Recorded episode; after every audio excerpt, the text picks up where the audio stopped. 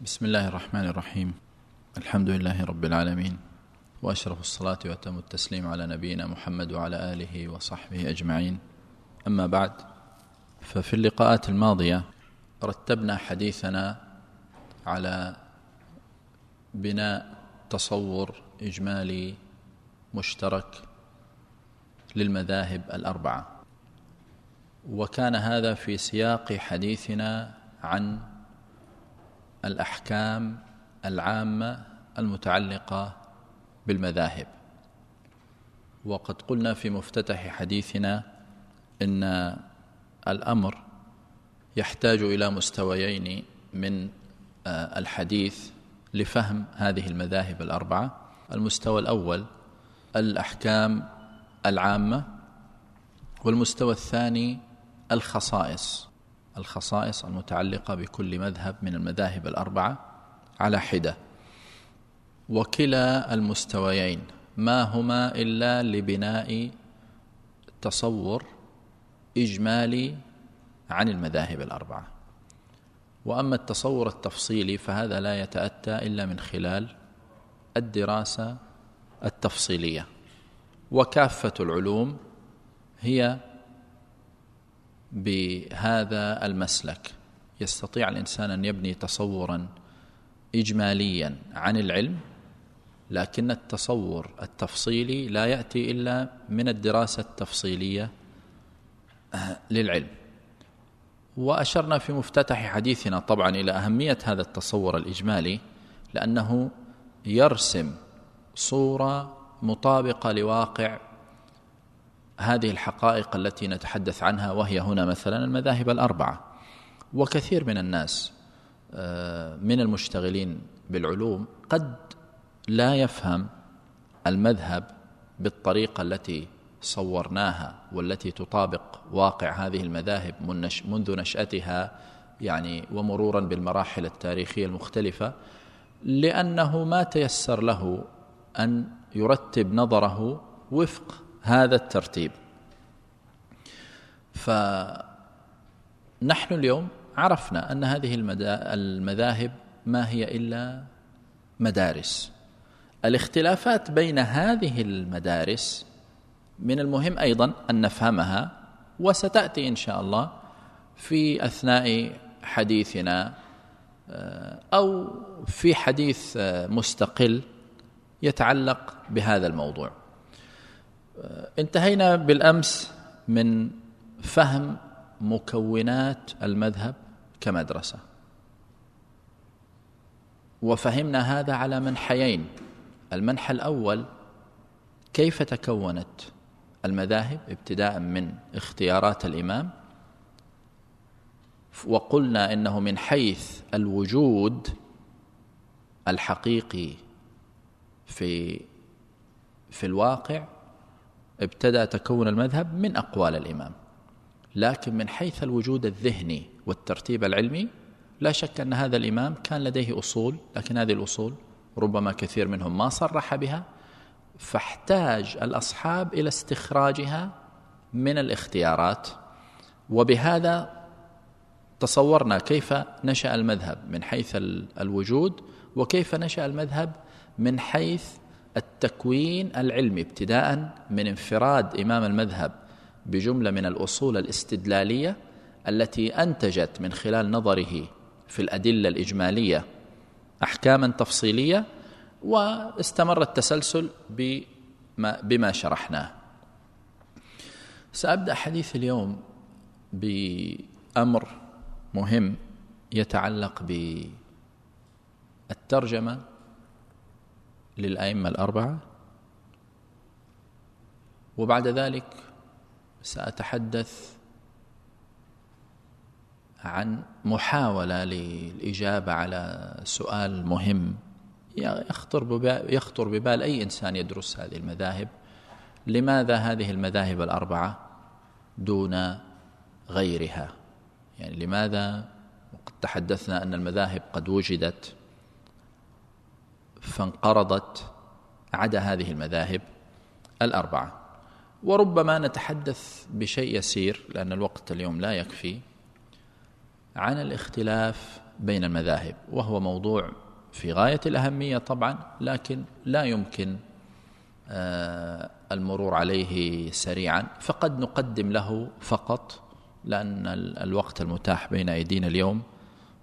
ليس كالأمس يعني فترة العصر فترة جيدة طويلة فتسمح أن الإنسان يستفيض فيها. قلنا سأتحدث أولا عن الأئمة الأربعة كترجمة. لا أرغب طبعا أو أو عفوا يعني لا لا يناسب الأمر أن أن نترجم للأئمة الأربعة. ونحن كما قلنا نتحدث عن المسارات العامة. يعني يمكن أن نترجم للأئمة الأربعة إذا تحدثنا عن كل مذهب على حدة ومن الطبيعي أن نبدأ بالترجمة لإمام المذهب. لكن نحن اليوم لازلنا نتحدث عن أحكام عامة. في هذه الأحكام العامة أيضا أريد أن أتحدث عن ملاحظات عامة تتعلق بالأئمة الأربعة يشتركون فيها. سأتحدث عن ترجمة الأئمة الأربعة من جهتين. الجهة الأولى مصادر هذه الترجمة والجهة الثانية آه، الملاحظات العامة المتعلقة بترجمة الأئمة الأربعة. أما ما يتعلق بالمصادر فطبعا الكتب التي ترجمت للأئمة الأربعة ستكون كثيرة جدا لأنه كلما اشتهر العلم كثرت مصادر ترجمته. وكلما شارك في علوم أكثر كلما أيضا توسعت المصادر. والسبب أن المسلمين بالمناسبة هم أول من ابتكروا الترجمة المتخصصة. إذا كنا نتحدث عن العلوم ففي الواقع التاريخي ابتكر المسلمون كثيرا من العلوم كما ابتكروا كثيرا من الممارسات العلمية في علوم كانت موجودة من قبلهم. من ضمن الابتكارات ابتكر المسلمون الترجمة المتخصصة على أنحاء كثيرة جدا ومنها الترجمة حسب الفن. فخصوا علماء القراءات مثلا بكتب مستقلة في التراجم لعلماء القراءات. خصوا علماء الحديث بكتب تترجم لعلماء الحديث فقط. خصوا الفقهاء بكتب خاصة بتراجمهم. وكما تحدثنا بالأمس مع التوسع الفقهي وتحول المدارس المذاهب الأربع إلى مدارس متكاملة احتاج علماء كل مذهب إلى وضع تراجم خاصة بعلماء المذهب فقط. صار عندنا طبقات للفقهاء وهذه بدأت في الأول طبعا من من أهمها وأحسنها طبقات أبي إسحاق الشيرازي. آه، لكن بعد ذلك بعد ما استقر الفقه على شكل المدارس الأربعة ما صار هناك طبقات فقهاء أو تراجم فقهاء لا صار فقط تراجم حنفية تراجم مالكية تراجم شافعية وتراجم حنابلة. لما؟ لأن الفقه دار على مسار آخر. اختلف عن السابق وهو انحصاره في هذه المدارس الأربعة. فبالتالي خلافا للعلوم آه، الأخرى ما صار عندك فقط تراجم عامة بالفقهاء بل انحصرت التراجم في فقهاء كل مذهب على حدة.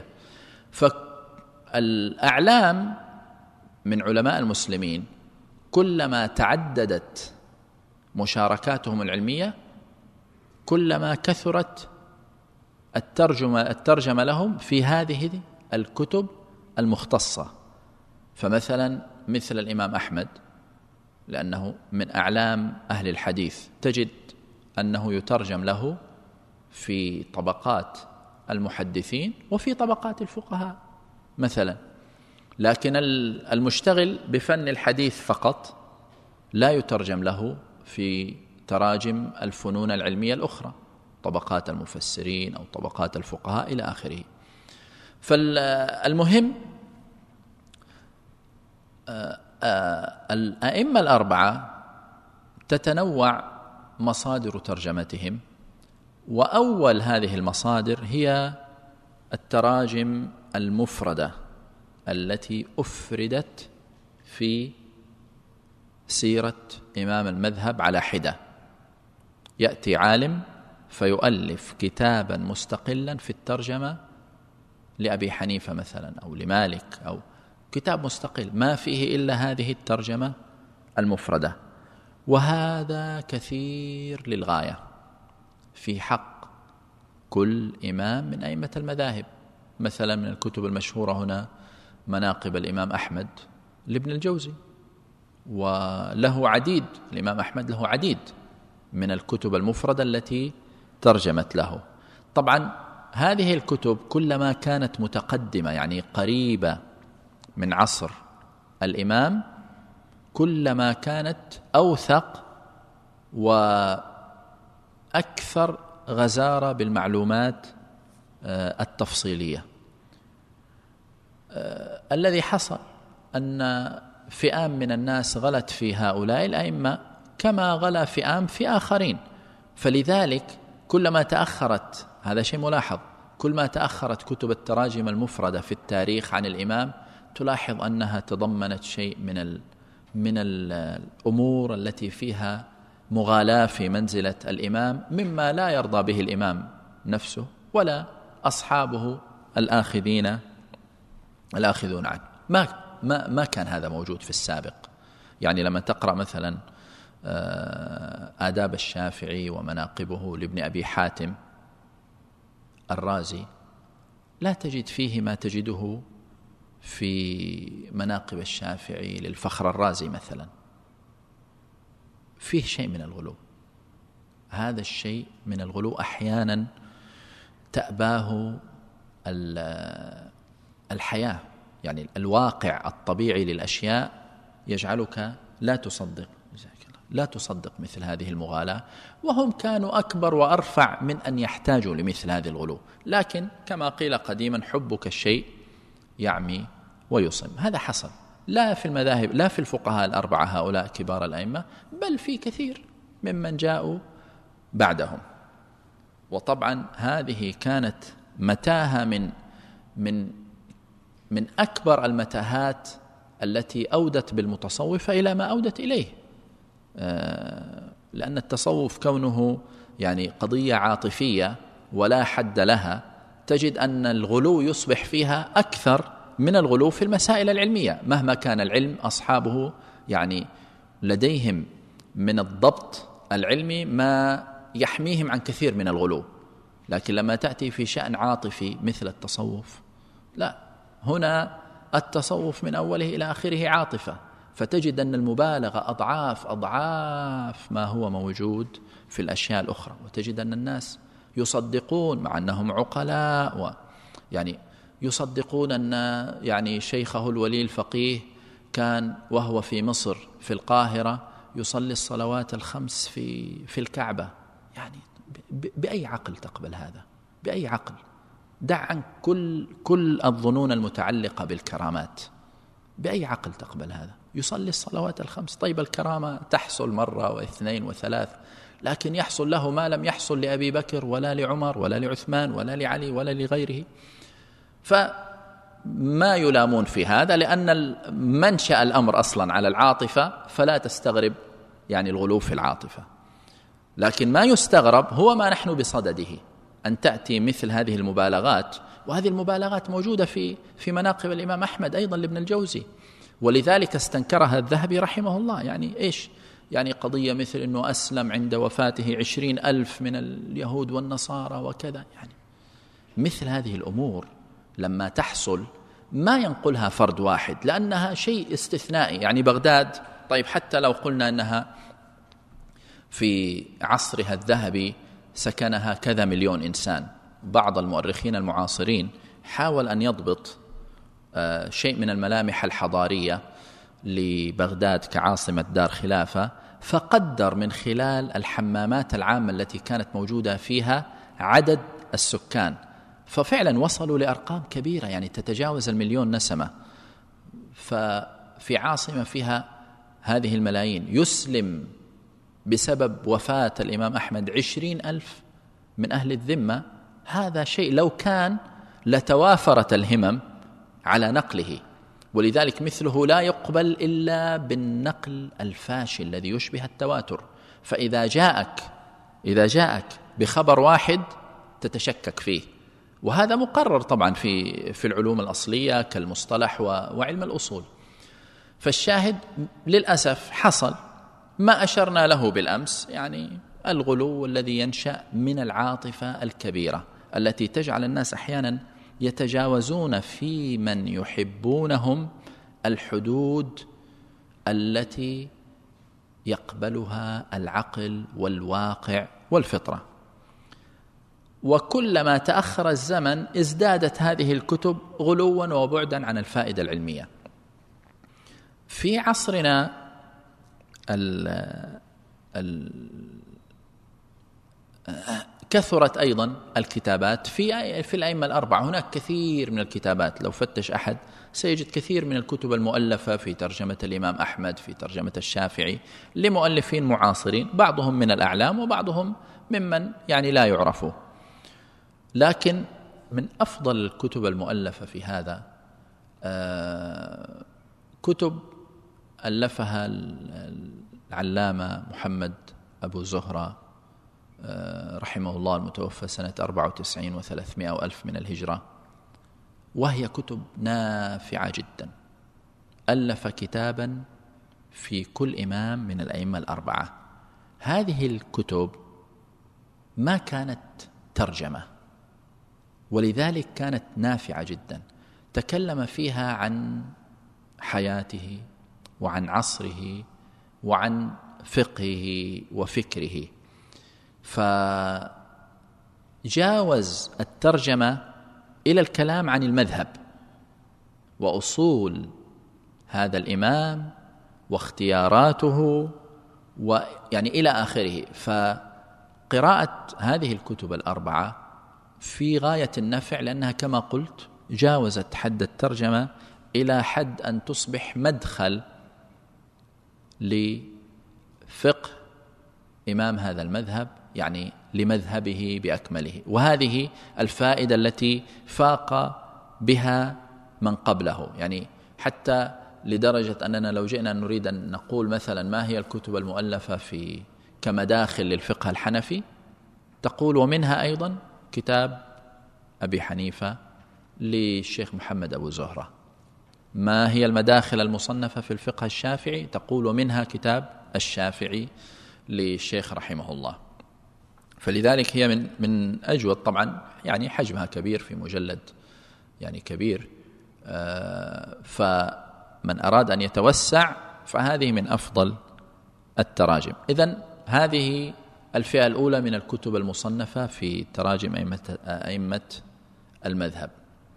الفئة الثانية الكتب المصنفة في فقه في في تراجم فقهاء المذهب. كثير منها تبدأ بالترجمة لإمام المذهب. ليس كلها كثير منها. يعني مثلا ترتيب المدارك للقاضي عياض بدأه بالترجمة للإمام مالك وهي ترجمة مهمة عامة من جاء بعد القاضي عياض استمد ترجمة الإمام مالك من هذا الكتاب. آه، لكن بعض الكتب ما فيها شيء. يعني طبقات الشافعية الكبرى مثلا لابن السبكي ذكر شيء من حكاية من الحكايات عن الإمام الشافعي لكن في سياق بيان فضل الشافعي ليس كالترجمة. وقد أشار إلى أنه يعني يتمنى أن يفرد آه، ترجمة للشافعي لكنها ستكون كبيرة وتبلغ مجلدات. وذكر الكتب المترجمة المؤلفة قبله في ترجمة الشافعي. آه، النوع الثالث التراجم العامة التي يترجم فيها للأعيان آه، ضمن مدونات كبيرة هنا. ومنها ما هو من كتب التاريخ مثلا كالبداية والنهاية وتاريخ الإسلام للذهبي ومنها ما هو كتب تراجم آه، مستقلة. فهنا في هذه الكتب الشاملة التي تترجم لمختلف الأعلام من الطبيعي أن يكون من أشهر أعلام المسلمين الأئمة الأربعة.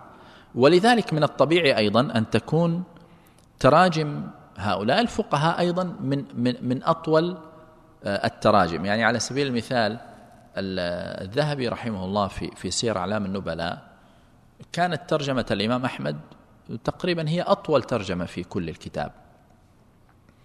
و من من شدة محبته للإمام أحمد افتتح الترجمة بأن وصفه بأنه يعني قال هو الإمام حقا وشيخ الإسلام صدقا. يعني يعني من الواضح يعني المحبة الكبيرة والمكانة الخاصة للإمام أحمد عند الذهبي التي ظهرت في هذه الترجمة. ولذلك كما قلت يعني فيما أظن هي أطول ترجمة على الإطلاق في الكتاب. آه، وأقل منها بشيء ترجمته للإمام الشافعي وقد أشار أيضا إلى حبه للإمام الشافعي في آخر الترجمة وأشار إلى أنه يحب غيره أكثر. وهذه يعني من لطائف يعني يعني الإمام الذهبي. ترجم لأبي حنيفة ثم ترجم لمالك ترجم للشافعي ترجم للإمام أحمد في كل طبقة من الطبقات لأن السير كما تعرفون مترجم على الطبقات. وفي رأيي أن من أراد أن يقرأ في تراجم الأئمة الأربعة فليبدأ بهذه الترجمة من سير أعلام النبلاء لأنها لطيفة ونافعة والذهبي رحمه الله يعني أسلوبه آه، يجعلك معايشا للمترجم له. لكن ما دمنا نتحدث عن المذاهب الأربعة. فالترجمة التي كتبها للإمام مالك نافعة للغاية لأنه ضمنها كثيرا من تعليقاته حول المذاهب. في أثناء هذه الترجمة. بشكل واضح لا تشاهدها في الكتاب من أوله إلى آخره. ضمن ترجمة الإمام مالك تنبيهات وملاحظات خاصة به ولا شك أنه يعني إمام كبير. آه، فتكلم عن المذاهب بكلام في غاية النفع من خلال استطرادات آه، ساقها في تعليقه على أحداث من حياة الإمام مالك أو من نقولاته عن بعض الترجمات السابقة له التي نقل منها في سير أعلام النبلاء. والذهبي معتاد على الاستطراد بشيء من التعليقات لكن كما قلت لكم يعني لو طالع الإنسان الكتاب من أوله لآخره سيلاحظ أن هذه الترجمة بالذات للإمام مالك فيها ملاحظات في غاية النفاسة عن الموضوع الذي نتحدث عنه. وهنا أقول إن هؤلاء العلماء المنصفين المتوازنين الذين نظروا للمذاهب باعتبارها مدارس بدون تفضيل لمدرسة على أخرى منذ وقت مبكر لاحظوا وجود أخطاء لاحظوا وجود انحرافات لاحظوا وجود ممارسات غير مقبولة من وقت مبكر. فمنهم الذهبي وقبله طبعا يعني آه، أبو شام المقدسي في الباعث العز بن عبد السلام كثير وبعد الذهبي أو, أو يعني مقارب له في عصره ابن القيم آه، خاصة في إعلام الموقعين وغيره كثير. الملاحظات على الإشكالات في الممارسة في المذاهب الأربعة كثيرة جدا. يستطيع الإنسان أن يكتب فيها رسالة طويلة. فقط يجمع فيها النقول التي جاءت في كتب أمثال هؤلاء العلماء في نقد ممارسات في المذاهب الأربعة. وهذا كما أشرنا بالأمس لا يمكن أن تأتي لظاهرة ضخمة مثل ظاهرة مذهب أبي حنيفة وحده أو مذهب الشافعي وحده أو أحمد وتقول لم يحصل فيها خطأ في الممارسة. هذا لا يمكن اطلاقا. لو كان هناك عصر سيخلو من أخطاء لكان عصر أصحاب النبي صلى الله عليه وسلم. هؤلاء رباهم النبي صلى الله عليه وسلم على عينه. وحصلت أخطاء حصلت أخطاء. لكن لما تنظر للمجموع تجد أن الممارسة شديدة القوة والإيجابية. وهكذا الشأن في قضية مجموع ممارسة أي مذهب. تجد أنها بالمجمل إيجابية. تحصل أخطاء؟ نعم لأن البشر يحصل تعصب مقيت يحصل خروج عن قواعد مهمة جدا يأباها أئمة المذهب أنفسهم. يحصل خطأ في الفهم. أشرنا بالأمس إلى أن ابن رجب كان كثيرا ما يتعقب أئمة المذهب الكبار. ما هو يعني أي عالم مدون في المذهب؟ لا الكبار الكبار جدا الذين هم أساطين المذهب.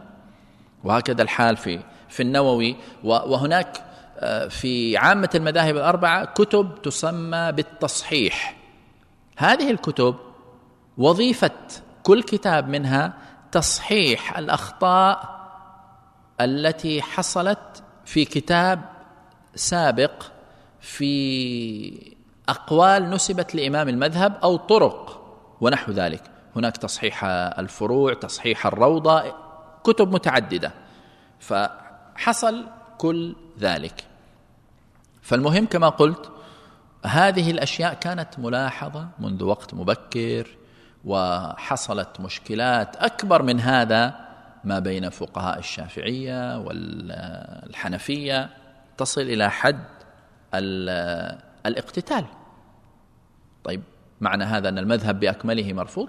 هذا انحراف. كما قلنا لو حكمت فيه أئمة المذهب لرفضوه لرفضوه. وصل الحال حتى إلى بحث مسألة هل يجوز زواج الشافعي من الحنفية ونحو ذلك. مجرد فرض المسألة غير مقبول. يعني ما يحتاج أن تبحث المسألة يجوز أو ما يعني كيف تفرض مسألة تقول فيها هل يجوز أن يتزوج مسلم من مسلمة ونحو ذلك. ولذلك الإمام أحمد من عصره جاء يعني رجل سأله قال هل أصلي خلف من لا يرى آه، أو خلف من من من آه، ثيابه يعني فيها دم من يرى جواز ذلك بمعنى لا يرى الدم نجسا. الإمام أحمد كان بإمكانه أن يقول يجوز أو لا يجوز لكن هناك درس مهم يتعلق بالخلاف بين المذاهب. قال كيف لا أصلي خلف مالك؟ يعني لا يعني بغض النظر عن المسألة كأن هذا السائل يقول له والله الإمام مالك ها يعني لا يرى النجاسة يعني هذا الدم البقعة من الدم فأصلي خلفه أم لا أصلي؟ ستصل المسألة إلى هذا الحد لأنه معنى هذا الكلام أنه مالك لو صلى بنا لا تعال تأكد أول شيء يعني هل صنع شيئا من الأشياء التي أرى أنا كمأموم أنها مبطلة للصلاة؟ فإذا رأيت كذا إذا ما أصلي خلف مالك. فجاء لقنه الدرس ولنا هذا الدرس للتاريخ بأكمله. كيف ما أصلي خلف مالك؟ فالخلاف بين المسلمين قديم جدا. اليوم لدينا ناس يشغبون ويحاولون أن يجمعوا المسلمين على إيه؟ على مذهب واحد. طيب هذه محاولة لكنها محاولة عاطفية. محاولة عاطفية جدا. الخلاف بين المسلمين متى وجد؟ متى وجد؟ في عصر النبي صلى الله عليه وسلم. قصدي طبعا الخلاف الفقهي. وجد في عصر النبي صلى الله عليه وسلم. وتمكن في عصر الصحابة. أنت لديك مجموعة من كبار الصحابة. ما أحد يستطيع أن يقول للآخر ترى أنا افقه منك. ليه؟ لأنه كلهم أخذوا من نفس المصدر. ما يستطيع ابن عمر يسكت ابن عباس ويقول له اسكت يا ابن عباس ترى أنا لأن شيخ ابن عمر وشيخ ابن عباس من هو؟ نعم النبي صلى الله عليه وسلم. ثم عمر بن الخطاب. فما حد يستطيع أن يفتخر على الآخر. تمكن الخلاف. فبعض الناس يظن أن الخلاف تمكن في الأمة بعد المذاهب الأربع. لا لا لا. الخلاف تمكن ونشأت المدارس منذ عصر الصحابة. منذ عصر الصحابة. ابن مسعود شيخه الأكبر بعد النبي صلى الله عليه وسلم أنا أستخدم عبارة الشيخ بالمصطلح العلمي.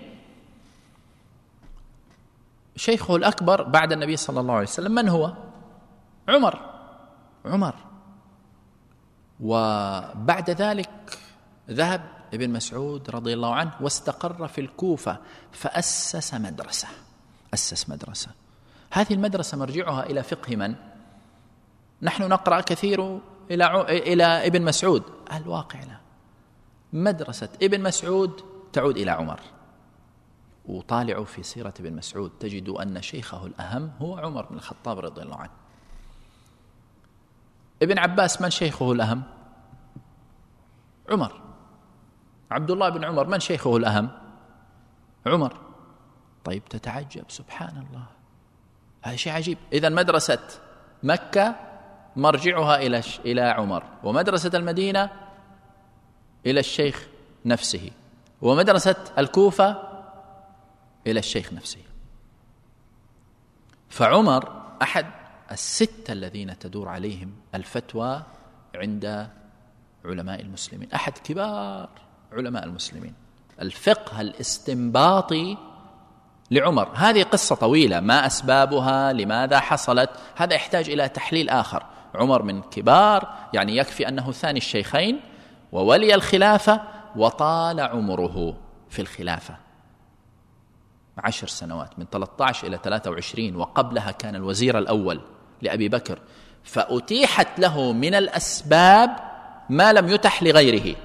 تقول لي طيب علي يعني إمام الأئمة في الفقه نعم كان قاضيا في عصر عمر لكن المرحلة التي ولي فيها الخلافة كانت عاصفة. فظروفه غير ظروف خلافة عمر رضي الله عنه. فما نستغرب أن يعني فقه عمر رضي الله عنه هو الفقه الذي صدر عنه الصحابة رضي الله عنهم لهذا التحليل الوجيز جدا. لكن قبل ذلك عندك ما ينبئك أصلا بأن عمر سيرتوي المسلمون من علمه بسبب نبوءة النبي صلى الله عليه وسلم في حقه. فالقضية واضحة ما تحتاج إلى تحليل. لا لديك حديث يبين لك أن المسلمون سيصدروا ويرتووا من فقه عمر رضي الله عنه. تلك فضيلة خصها الله به. لكن نحن حللنا تحليل تحليل واقعي مادي بحت يطابق هذه الفضيلة التي هي خصوصية من الله عز وجل. طيب رجل واحد تعود له المذاهب الإسلامية لأن فقه أبي حنيفة مرجعه إلى من؟ إلى مدرسة ابن مسعود تسلسل الاسنادي العلمي الفقهي يرد مدرسة أبي حنيفة إلى ابن مسعود. وذات الشيء في فقه الشافعي يعود إلى مدرسة مكة. ضم لها لاحقا طبعا الشافعي بسبب الرحلة ضم لها مدرسة المدينة ثم بعد ذلك رحل إلى العراق واستفاد من فقه أهل الرأي أهل الكوفة فجمع. لكن نشأة فقه الشافعي في المدرسة المكية. ومالك رحمه الله إمام دار الهجرة المدرسة المدنية. إذا لدينا ثلاثة مدارس من المدارس الأربعة تعود في أسانيدها الواضحة المتصلة التي لا تتعلق بالرواية فقط بل تتعلق بصلب التفقه. أنا هنا لا أتحدث عن رواية أحاديث أو أخبار أسانيد لا أتحدث عن تفقه. كيف تفقه الشافعي؟ تفقه على سفيان بن عيينة وطبقته من أهل مكة.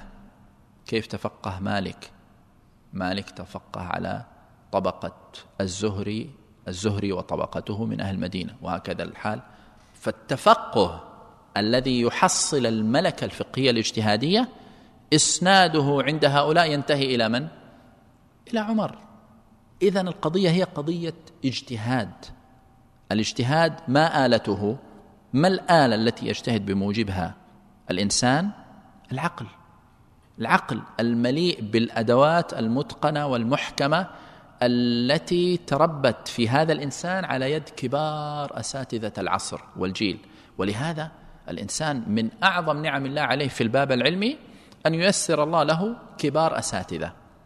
فيتعلم على أيديهم. ثم بعد ذلك هو يضيف يحصل الملكة ثم ينطلق ويجتهد. لأن بعض الناس يستغرب كيف يأتي إنسان ويفوق أساتذته. لا المنطق يقول يقول أن هذا هو الشيء الطبيعي. لأنك تحصل على أساتذة كبار وتجمع كل ما عندهم وتتخرج على أيديهم ثم تبدأ بالإضافة عشر عشرين ثلاثين أربعين وربما خمسين سنة من الاشتغال العلمي. فما نستغرب أن يزيد العلم. بالعكس هذا هذا هذا مسلك هو من بدائه الأمور. فالمهم هذا الذي حصل. رجعت الأشياء كلها بهذه الطريقة إلى عمر رضي الله عنه. فاذا حصلت المذاهب الأربعة أو لم تحصل سيختلف المسلمون. اليوم محاولة جمع المسلمين على قول واحد على رأي واحد يعني أشبه بالاختراع الجديد الذي يناقض كل التاريخ. طبعا لا أقصد بهذا أن أقول أن هذا خطأ فقط لأنه ناقض التاريخ لكن أقول ما وسع الناس من قبلنا من عصر الصحابة إلى اليوم يسعنا. والأهم من هذا أن المادة التي هي نصوص القرآن والسنة جاءت من لدن حكيم خبير بهذا السياق. كم تريدون من الأمثلة التي تدل على أن هذا السياق يأبى إلا أن يختلف الناس في فهمه؟ كم تريدون؟ كثير الأمثلة كثيره القرآن من أوله إلى آخره. يعني احتماله للاختلاف في الفهم. وفق الأصول ما أتكلم عاد عن الفهم المنفلت من القيود. لا وفق الأصول يعني من أول القرآن إلى آخره. أشياء كثيرة. كثيره الصحابة رضي الله عنهم اختلفوا أنفسهم في أنفسهم في هذا الفهم في العصر الأول في العصر الأول. فخرجت من هذا الفهم المدارس المختلفة.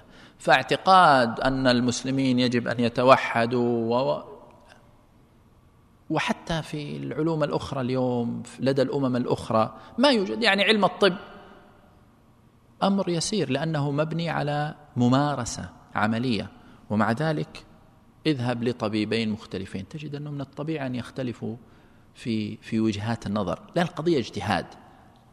القضية هي اجتهاد وهكذا الشأن. فالاختلاف بحد ذاته ليس مشكلة. المشكلة ما ينشأ من التعامل مع الاختلاف. تنافر القلوب اعتقاد أن فهمي أفضل من فهم الآخر أن مذهبي أفضل من مذهب الآخر أنك يجب أن تعود إلى قولي وإلا يعني صادرت حقك في الرأي. هذه هي المشكلة.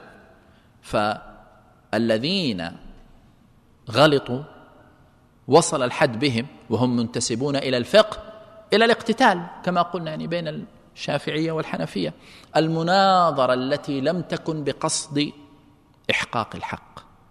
أو التفقه والاستفادة من الآخرين المناظرة التي قصدها آه، الشهرة أحيانا للأسف الشديد أو بيان أن الخصم مبطل ونحو ذلك أصبحت ممارسة مشتهرة في بعض في بعض العصور في المدن التي اجتمعت فيها المذاهب وعلى رأسها بغداد. على رأسها بغداد.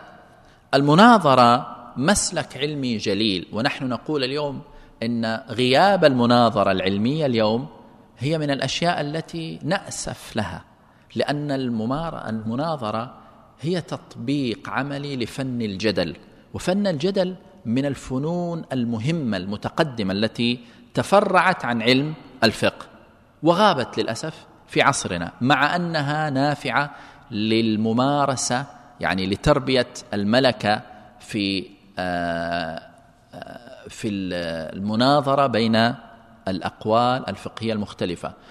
وكان هناك كثير من المسائل المشهورة في الخلاف بين الحنفية والشافعية مثلا مسألة يعني أظن أشرنا مسألة اشتراط الولي والشاهدين كانت من أشهر مسائل المناظرة مسألة القتل بالمثقل أيضا كانت من أشهر مسائل المناظرة وغيرها من المسائل. فالمناظرة لها غرض مفيد ولها أغراض أخرى غير مفيدة آه، الشهرة وإلى آخره. للأسف حصل هذا في التاريخ نشاهده محكي محكي بطريقة يعني لا يمكن إنكارها. فهذه الأشياء كثيرة فاعتقاد أنه من الضروري اليوم كما نشاهده في كتابات كثير من ال... الذين يبحثون عن مخرج للمسلمين من الأزمات التي يعيشون فيها. اعتقاد أن رفع الخلاف الفقهي أمر ضروري. لا ليس لكن التعامل مع الخلاف الفقهي هو المشكلة. ولو تصورنا الأمر على هذه الصورة لعرفنا أنه لا يمكن رفع الخلاف.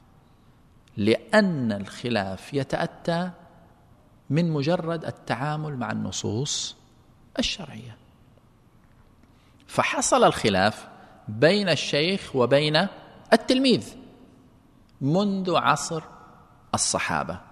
الأمر واضح وجلي يعني وأنا آسف على الإطالة لكن لأن يعني عشنا أو صرنا في زمن ال يعني يحتاج الإنسان أن يقيم الدليل على بدائه الأمور وكثير من هذه الأمور آه، يتم طرح الإشكاليات فيها من نية حسنة كما قلنا رغبة في إصلاح حال المسلمين أو الخروج من يعني من أزمة إلى آخره لكن العاطفة لا تكفي بل في كثير من الأحيان لا تؤدي إلى نتائج إيجابية إذا غابت عن عن العلم والعقل.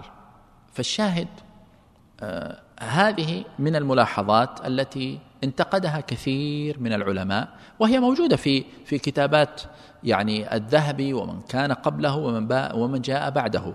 ومن الكتب اللطيفة كتاب للتاج السبكي اسمه معيد النعم ومبيد النقم آه هذا كتاب في الواقع في غاية الغرابة وهذا من لطائف العلم. ساق فيه السبكي في هذا الكتاب مجمل المناصب والمهن والحرف التي كانت في عصره وانتقد الممارسات السلبية التي كانت فيها. فلذلك لما تحدث عن العلماء مثلا ذكر طوائف العلماء في عصره فانتقد الأغلاط التي يقع فيها المفسرون أهل الحديث القراء. وانتقد الأغلاط أيضا التي يقع فيها الفقهاء ومن ضمنها يعني قضية التعصب والتنافس على المناصب والوظائف العلمية آه، في عصرهم. الحضارة الإسلامية ترقت وترقت معها المؤسسات العلمية. المسلمون هم أول من طور كثير من المؤسسات العلمية. طبعا تاريخيا نعرف أن آه، اليونانيين آه، في أثناء حضارتهم الكبيرة نشأت عندهم فكرة المدارس. وتاريخيا المدارس التي حفظها لنا التاريخ يسيرة جدا في الحضارة اليونانية ولم تكن متطورة في المدا في الممارسة المؤسسية إن صحت العبارة مثل ما حصل على يد المسلمين. لا الذي حصل في الحضارة الإسلامية نشأت مؤسسات وفق وثائق كتبت لها أنظمة وطريقة لإدارة المؤسسة.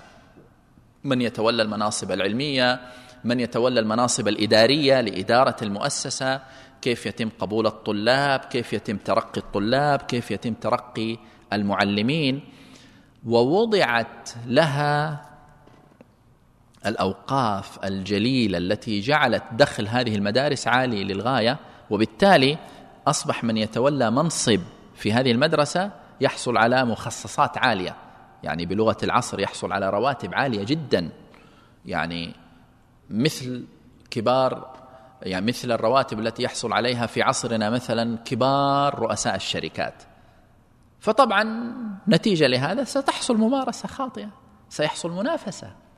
وصار بعض الفقهاء وبعض المنتسبين للعلم يحاول أن يحصل على أكبر قدر من الوظائف مع أنه الواجب أن يبارس أن أن أن يباشر الوظيفة بنفسه. فإذا باشر وظيفة ما يستطيع أن يباشر وظيفتين لكن نقرأ في التاريخ هذا شيء ما نستطيع أن ننكره. نحن كمسلمين ترى نفتخر أن تاريخنا يكون لنا صورة صادقة بالإيجابيات والسلبيات. أيضا العاطفة تجعل بعض المسلمين وبعضهم من المفكرين يحاول أن ينكر بعض السلبيات. السلبيات واقعة ما نستطيع أن نجحدها لكن نقول نحن نعي أنها خطأ. وتم إنكار هذه السلبيات من ذاك الوقت. ويعني صدح كثير من العلماء في ذلك الوقت بأن هذا خطأ ما يصير ما يجوز. تباشر الوظيفة بنفسك. لكن تباشرها بغيرك فتحصل على الوظيفة وتعين نائب لك في الوظيفة مثل في عصرنا إنسان يحصل على وظيفة إمام مسجد في هذا المسجد ومسجد آخر. ويعين في المسجد الثاني بديل ويأخذ الفرق في المرتب. ما, ما, ما يصير. ما يصلح.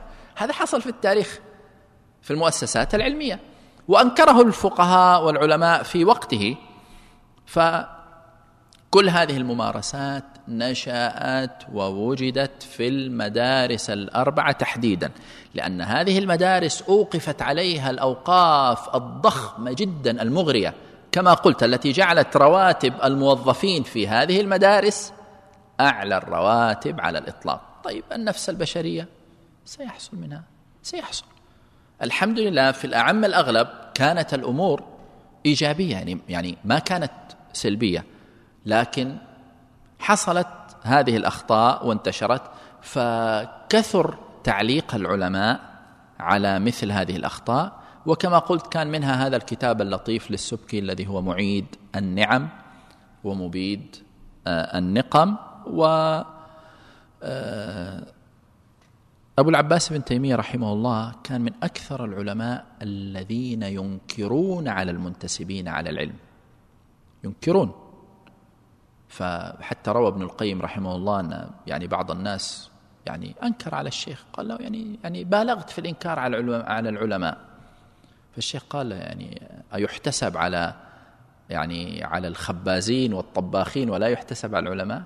بالعكس مشتغلين دائما بالوظائف الشريفة ترى أولى بالإحتساب عليهم من الوظائف آه الأخرى لأن الخباز إذا إذا أفسد يعني أمره يسير. لكن العالم الفقيه القاضي إمام المسجد الخطيب الوالي إلى آخره إذا أفسد مصيبته كبيرة. وهذا لأن يعني كلما ازدادت شرف الوظيفة ازدادت خطورتها. فالخطأ فيها مصيبة كبيرة. المهم هذه طبعا من الملاحظات الكثيرة. واليوم هناك عدد ليس بالقليل من الدراسات الغربية التي تكتب في هذا الجانب ينتقدون فيها مثل هذه الممارسات وكذا وأبناؤنا الذين يدرسون في الغرب يفاجؤون بهذا الكلام ويتلقفونه وهم ليسوا محصنين ما يعني ما يعرفون أصلا ما معنى مذهب وما معنى مدرسة وما هي الصور الأخرى القوية والمشرقة فيعودون بمثل هذه الانتقادات ويحملونها للإسلام. ينتقل من نقد الممارسة الشخصية إلى نقد الفكرة ثم الفكرة ينتقل من أن تكون فكرة جاءت من المكلف إلى التكليف عينه الذي هو الإسلام. فينتقل من كذا إلى كذا إلى أن ينتقد نفس آه الإسلام آه وهكذا. فهذه آه السير ما نستغرب لما نشاهد أنها يعني ملأى بمثل هذه التعليقات والتنبيهات على هذه الأخطاء. فالمهم آه، سير أعلام النبلاء برأيي من أحسن الكتب في الترجمة. طبعا يعني لولا طول الكتاب لأنه يتضمن تراجم متفاوتة لكن من أراد أن يبدأ في الاطلاع على سيرة أي أحد من أعلام التاريخ الإسلامي فمن المستحسن أن يقرأ آه، السيرة ابتداء من ترجمة الذهبي له. لأن هذه الترجمة في الواقع موزونة بميزان دقيق بميزان إنسان كأنه يشتغل في الصيرفه وفي الذهب. فاسم وافق مسماه رحمه الله. آه، وبعد ذلك إذا شاء التوسع فلينتقل من هذه الترجمة إلى أخرى إلى ثالثة إلى رابعة. لكن الشاهد أن تراجم آه، الأئمة الأربعة موجودة ولا غرابة في عامة التواريخ الإسلامية والتراجم العامة التواريخ العامة والتراجم آه، العامة. هذا النوع آه، الثالث. النوع الرابع والأخير أذكره يعني فقط للتنبيه. الكتب المذهبية يعني كتب الفقه المذهبي كتب الفقه المذهبي خاصة عند المتأخرين الذين شرحوا المتون. تعرفون يعني عند المتأخرين استقر استقرت هذه الممارسة العلمية شرح المتن والتحشية على الشرح والتقرير على الشرح واختصار الشرح واختصار المتن في سلسلة طالت ولم تنتهي. فلما يقول الماتن مثلا فهذا مختصر في الفقه على مذهب الإمام أحمد هو يشرح هذه الألفاظ فلما يأتي عند كلمة أحمد يترجم لأحمد. وإذا كان الكلام عن الإمام في شرح مثلا لنفترض مختصر خليل في الفقه المالكي ما تستغرب أنك تجد شروحات مختصر خليل فيها ترجمة للإمام مالك. لكن في الغالب هذه الترجمات لأنها للمتأخرين ما عاد فيها جديد. فيعني يمكن أن نعتبرها من المصادر الأقل أهمية. آه لا يبعد طبعا أن يأتي إنسان ويرسم لنفسه خطة مثل ما قلنا في كتب الأئمة الأربعة لأبي زهرة رحمه الله هو متأخر جدا متأخر يعني في في عصرنا وفاته سنة 1394 لكن الواقع أضاف الكثير من الأشياء المفيدة قد تتفق معه وقد تختلف معه لكن كتابة تستحق أن تقرأ. لكن كثير من الترجمات كما أشرت للمتأخرين ما يعني لا لا ينبغي أن يتشاغل بها الإنسان لأنه ليس فيها الشيء الكثير الذي يضاف على ما كتبه السابقون. طيب آه هذه هي هي المصادر لكن الواقع أجد أنه لا يليق أن نتجاوز الأئمة الأربعة بدون أن نشير إلى أشياء مشتركة في ترجمتهم هذه أريد أن أذكرها لتنبيه الأذهان على الصفات المهمة المشتركة في كبار الأئمة. هذه الصفات هي التي صنعت ما صنعت على يد هؤلاء. لذلك أنا أرجو من كل إنسان يريد أن يقرأ التراجم والتاريخ قراءة واعية ألا يقرأ قراءة متعة؟ كثير الناس يقرؤون الترجمة والتاريخ يستمتع لا يعني لا بأس أفضل من أن يقرأ ما هو يعني آه، أخف من ذلك وربما أسوأ طبعا يعني. لكن يستطيع الإنسان أن يقرأ قراءة واعية قراءة عاقلة يستفيد منها لنفسه وربما ييسره الله لإعادة الكتابة أيضا عن هذه الشخصيات كما قلنا في المثل. يعني يأتي إنسان في آه، يعني بعد أكثر من عشرة قرون ويضيف في الترجمة. لما؟ لأنه قرأ قراءة واعية فأضاف.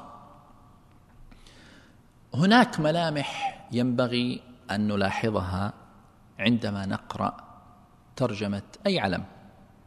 وهذا الكلام لا ينطبق على الأئمة الأربعة فقط بل هو عام في غيرهم في الشخصيات التي امتازت عن غيرها. عليك أن تبحث عن أسباب هذا الامتياز وملامح هذا الامتياز. يعني كما قلت أي واحد منا يعرف أن الفقهاء في تاريخ المسلمين بالألوف بالألوف. ف ما الذي جعل بعض الفقهاء يمتازون عن غيرهم؟ تجد أن هناك ملامح مشتركة تزيد وتنقص من شخصية إلى أخرى. أول هذه الملامح المواهب الفطرية. هذه أحيانا يعني أشياء في غاية الأهمية. وقد تكون هي الفرق.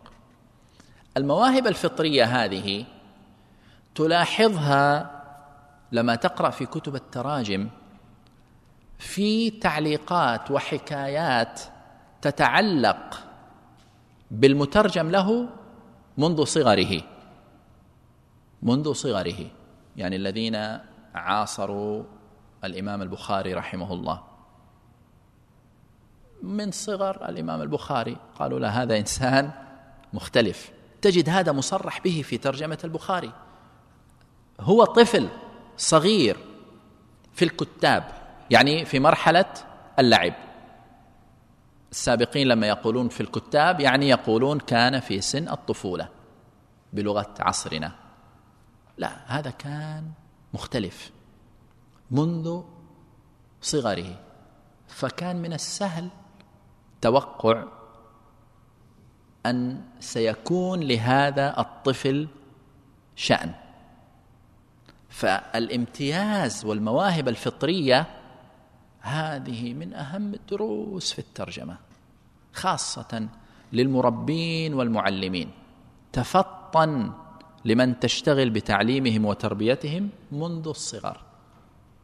وللأسف الشديد اليوم يعني أمم كثيرة في عالمنا اليوم تعنى بهذا الشيء عناية فائقة. هؤلاء أصحاب هذا الامتياز الفطري. هذا شيء من الله. يعني لما يكون إنسان شديد الذكاء سريع الحفظ سريع الاستنتاج والبديهة هذا يختلف عن أقرانه.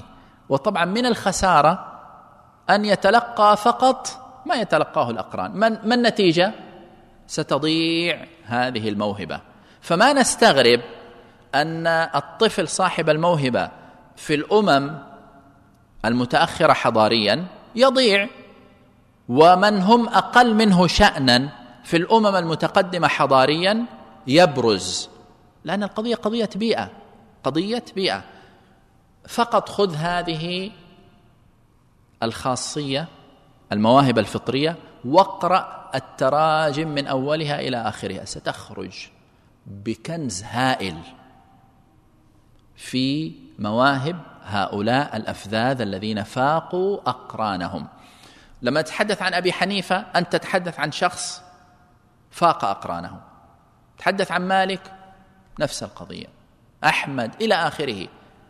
تجد أن هذا الامتياز منذ الصغر. ابن عبد الهادي في العقود الدرية ساق حكاية في غاية الغرابة لأحد الشيوخ في عصر أبي العباس بن تيمية رحمه الله. لاحظه وكان أبو العباس بن تيمية يمر به في الطريق إلى المدرسة إلى الكتاب ذهابا وايابا. لاحظه وعرف أن هذا الطفل سيكون له شأن. اقرأوا هذه الحكاية. ستجد أن أمثالها كثير جدا في التاريخ.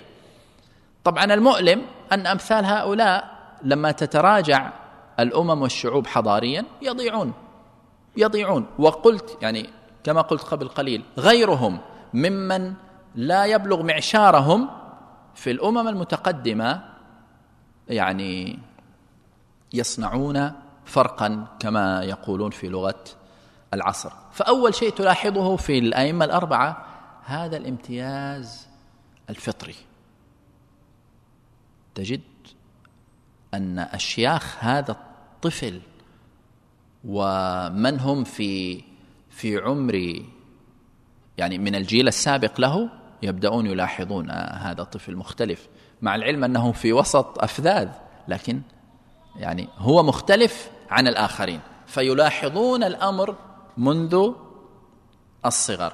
هذا الامتياز ليس فقط في المواهب العلمية لكن حتى في المواهب العملية لأن الإنسان ترى قد يكون ذكي لكن ليس عنده من المواهب الشخصية الأخرى ما يحتاجه لكي يبرز. قد يكون ذكي جدا لكن شخصيته تأبى الجد تأبى الانضباط فيضيع يضيع. بالذات لو لم يجد بيئة تساعده على الانتظام والانضباط والجد ونحو ذلك. هذا أول ملمح إذا أردنا أن نقرأ ترجمة الأئمة الأربعة وكما قلت ينطبق على من سواهم. آه هذا أول آه ملمح وهو الامتياز والمواهب الفطرية والناس يتفاوتون في هذا لكن لما تتحدث عن ترجمة علماء ستجد أن أهم الامتياز الذي ينشئ عالم الامتياز الذي يتعلق بالمواهب الفطرية العلمية. الذكاء الفطنة سرعة الحفظ شدة الحفظ.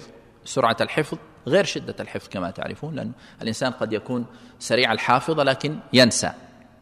فيحتاج هنا لا أيضا ثبات آه، الحفظ. التحليل والقدرة على الاستنتاج خاصة لما نتحدث عن علم الفقه. علم الفقه ما هو؟ علم استنتاجي من أوله إلى آخره. يعني الفقيه ما يحتاج يحفظ أشياء كثيرة. لكن موهبته الحقيقية في حسن الاستنباط والإستنتاج. طيب نتوقف للأذان. بسم الله والحمد لله والصلاة والسلام على رسول الله. آه، سنواصل يعني إن شاء الله إلى وقت الإقامة ثم بعد الصلاة لعلنا نكمل الحديث إلى ما يقارب نصف الساعة بإذن الله. قلنا إن الملمح الأول هو موضوع الامتياز الفطري الذي هو موهبة من الله عز وجل. آه، والحديث في هذا آه، يطول آه، جدا. لكن كما قلت يعني قبل أن نتوقف للأذان لما يكون الحديث عن شخصية علمية فأهم جوانب الامتياز الصفات التي تساعد على البناء العلمي. لما يكون شخصية في مجال آخر هناك صفات أخرى. الأئمة الأربعة إحدى الأمور التي اشتركوا فيها هي أنهم جميعا رفضوا المناصب. رفضوا المناصب. بل يعني يروى في في سيرة بعضهم ما يدل على أنه أجبر على المناصب ورفض رفضا باتا تضرر منه تضرر من هذا الرفض. يعني يعني يعني الأمر أصبح في حقه محنة كما حصل في تراجم بعضهم. المحنة التي تعرض لها ما هي؟ عرض عليه المنصب فرفض فأجبر فرفض فأكره فرفض. هذا شيء آه، كما قلت هو موجود في الأئمة الأربعة. وصلوا لأعلى منزلة علمية في عصرهم من الطبيعي أن تعرض عليهم المناصب من الطبيعي خاصة ما يتعلق بالمناصب العلمية طبعا. وإلا هناك شيء آخر الذي هو القرب مثلا من من أمير المنطقة يعني الإمام مالك مثلا ما كان في دار الخلافة كان في المدينة. طيب والي المدينة أمير المدينة من الطبيعي أن يعني يقترب أو يطلب من الإمام مالك أن يتقرب منه لكن لا. ورفض المناصب وصل في حقهم حقهم كما قلت إلى إلى إلى إلى, إلى منحى بعيد. هذا أمر يرتبط أحيانا بصفات آه، فطرية جبل عليها الإنسان. فينبغي أن أن يلتفت الإنسان إلى مثل هذه المعاني كما قلت لأنه هذه المعاني هي التي أسست النبوغ والتفوق في أمثال هذه الشخصيات. الأمر الثاني آه، المكونات العلمية للشخصية.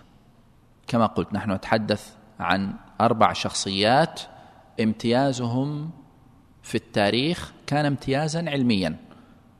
كان امتيازا علميا. فإذا أهم شيء في مكونات الشخصية الجانب المتعلق بالشخصية آه، العلمية. مثلا ما تستغرب أن يكون في عصر أبي حنيفة أو في عصر مالك من هو آه، أعلم منه بمعنى أكثر تحصيلا للعلم منه. لكن الذي صنع هذا الإمام هو النزعة الاستقلالية الموجودة لديه. النزعة الاستقلالية الاستقلالية إذا كنا نتحدث عن العلم مطلب في غاية الأهمية. ما معنى الاستقلالية؟ أنه يريد أن يفهم. يريد أن يفهم. هذا لا يستطيع أن يتعلم بالتقليد. الشيخ قال له ترى حكم هذه المسألة كذا والدليل كذا.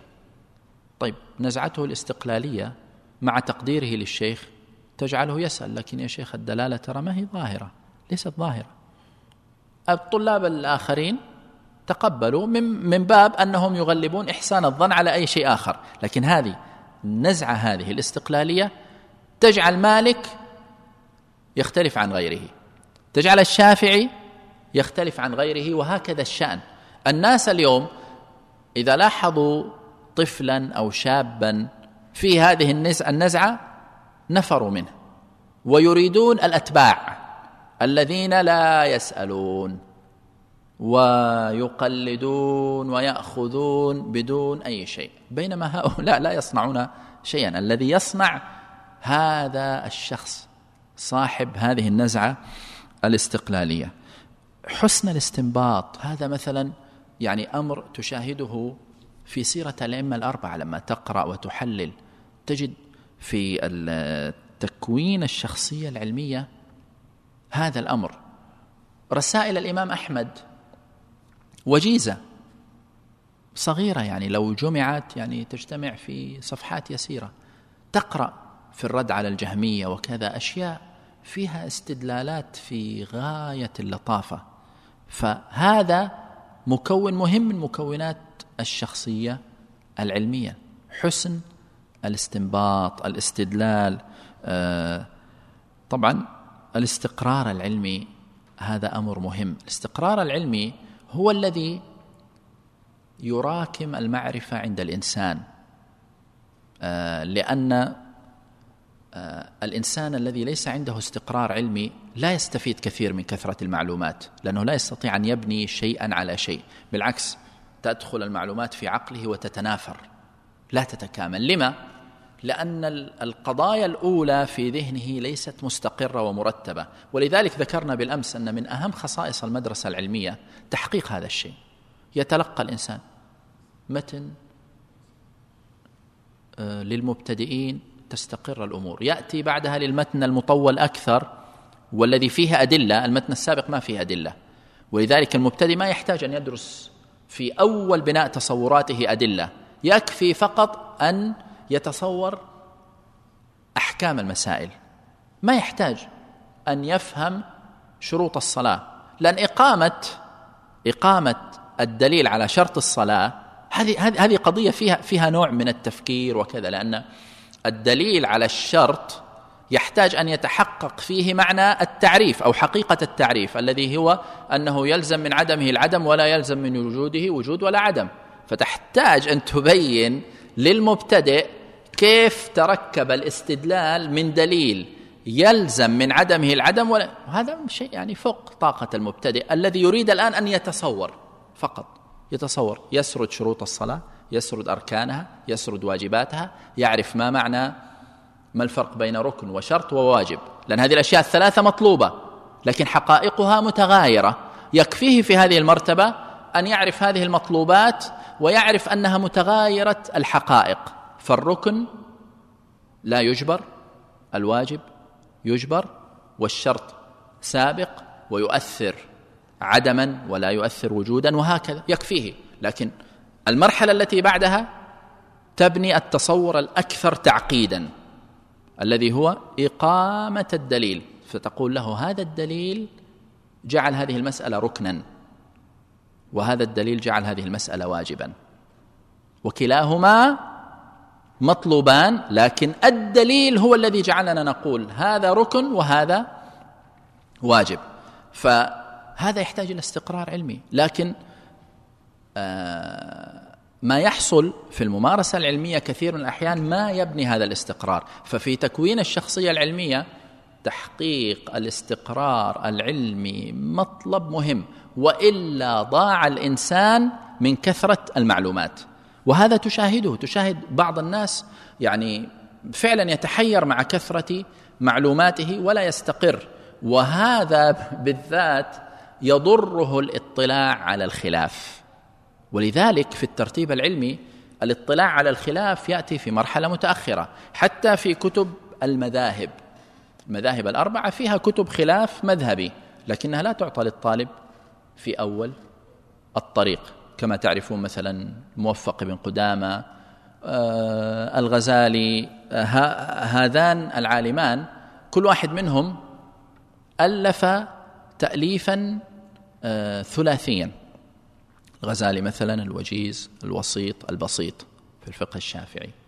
ومثله التدرج الذي هو للموفق بن قدامة العمدة المقنع الكافي. المغني هذا شيء آخر لأنه يعني شرح لمختصر الخرقي لكن كمل به التسلسل. خلاص الإنسان انتهى من مرحلة الكافي إذا ليطلع على الخلاف العالي.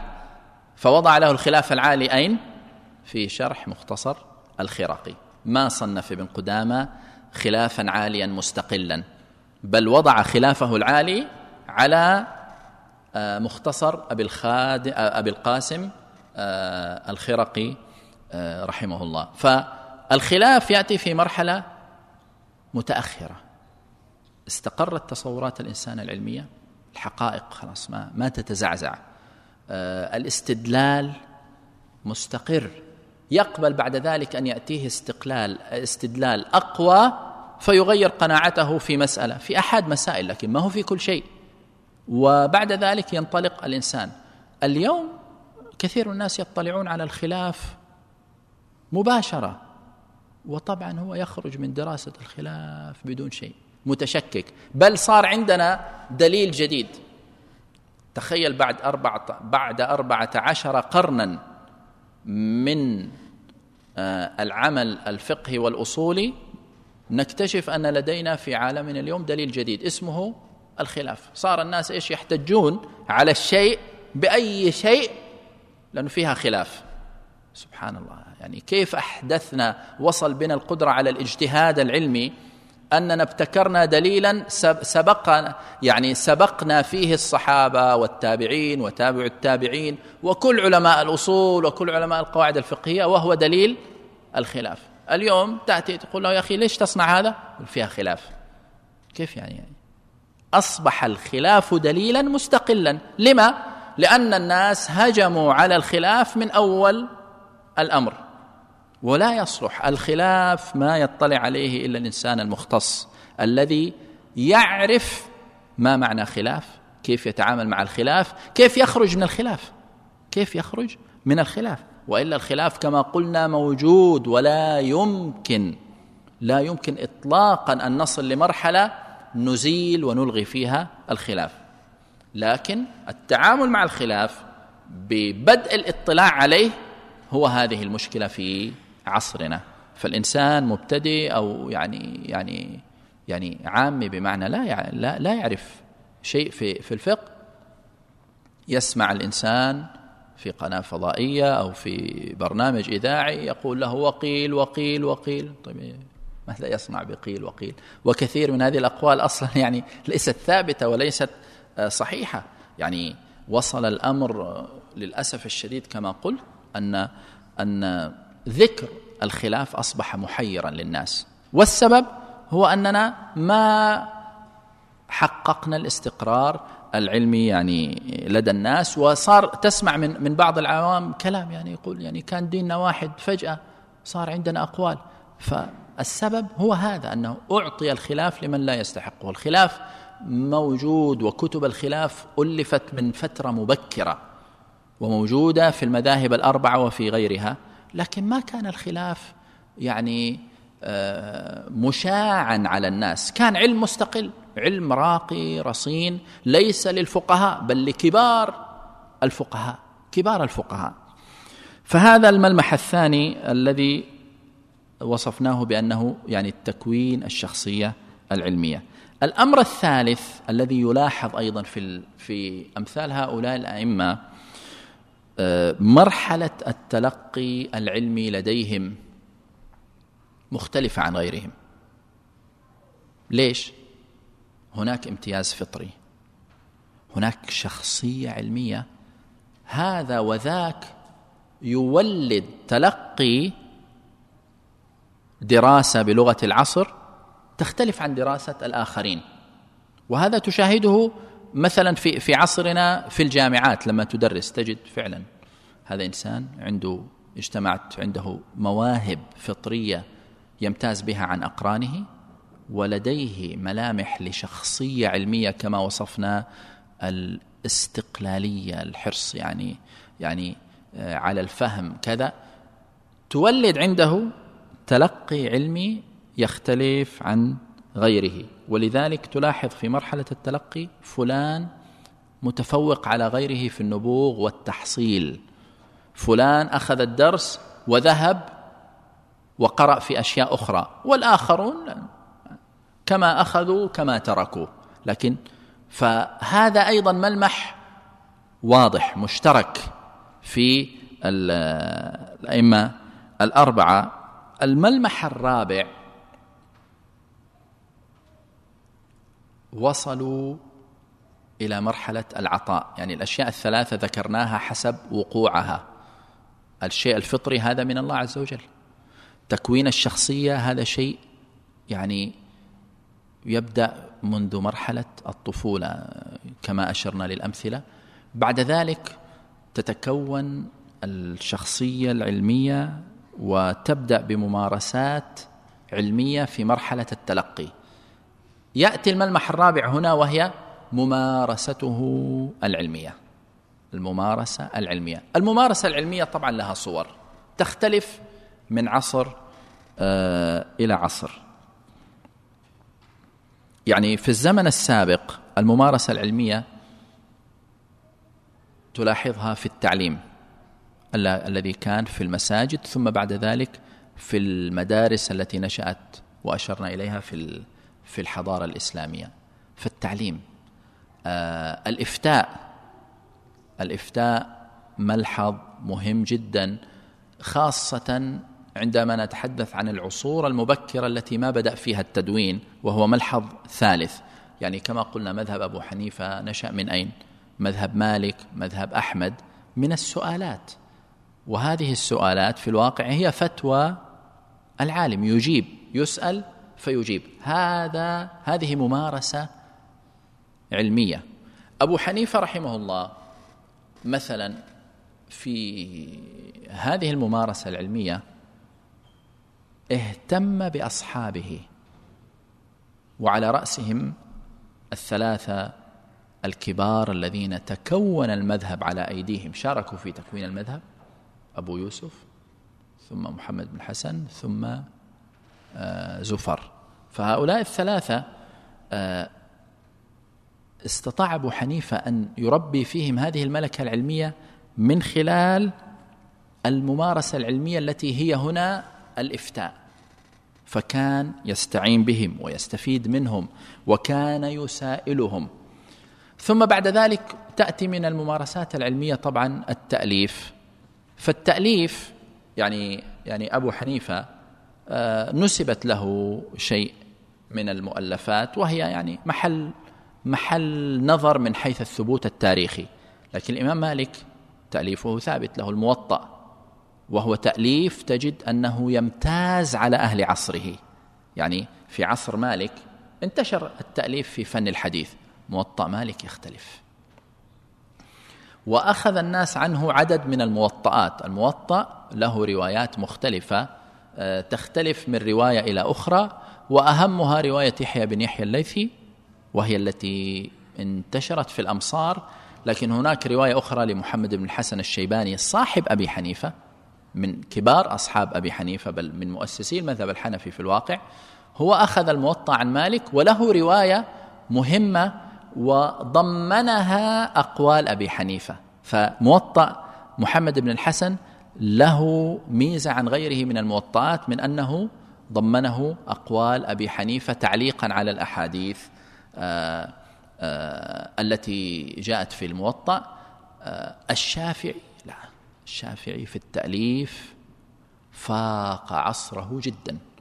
الرسالة مثلا أول مصنف في أصول الفقه ألفه بطلب من شيخه عبد الرحمن بن مهدي فتلاحظ هنا في الممارسة العلمية أن هؤلاء العلماء امتازوا عن علماء عصرهم فبدأ بدأ إذن يحصل الملمح الأخير الذي سنشير إليه وهو اجتماع الآخذين عنه لماذا اجتمعوا على أبي حنيفة أكثر من غيره؟ لماذا اجتمعوا على مالك أكثر من غيره؟ الشافعي أحمد بسبب هذا الملمح الذي قبله وهو الممارسة العلمية. الشافعي وضع الرسالة شيء غريب مبتكر مبتكر من أوله لآخره.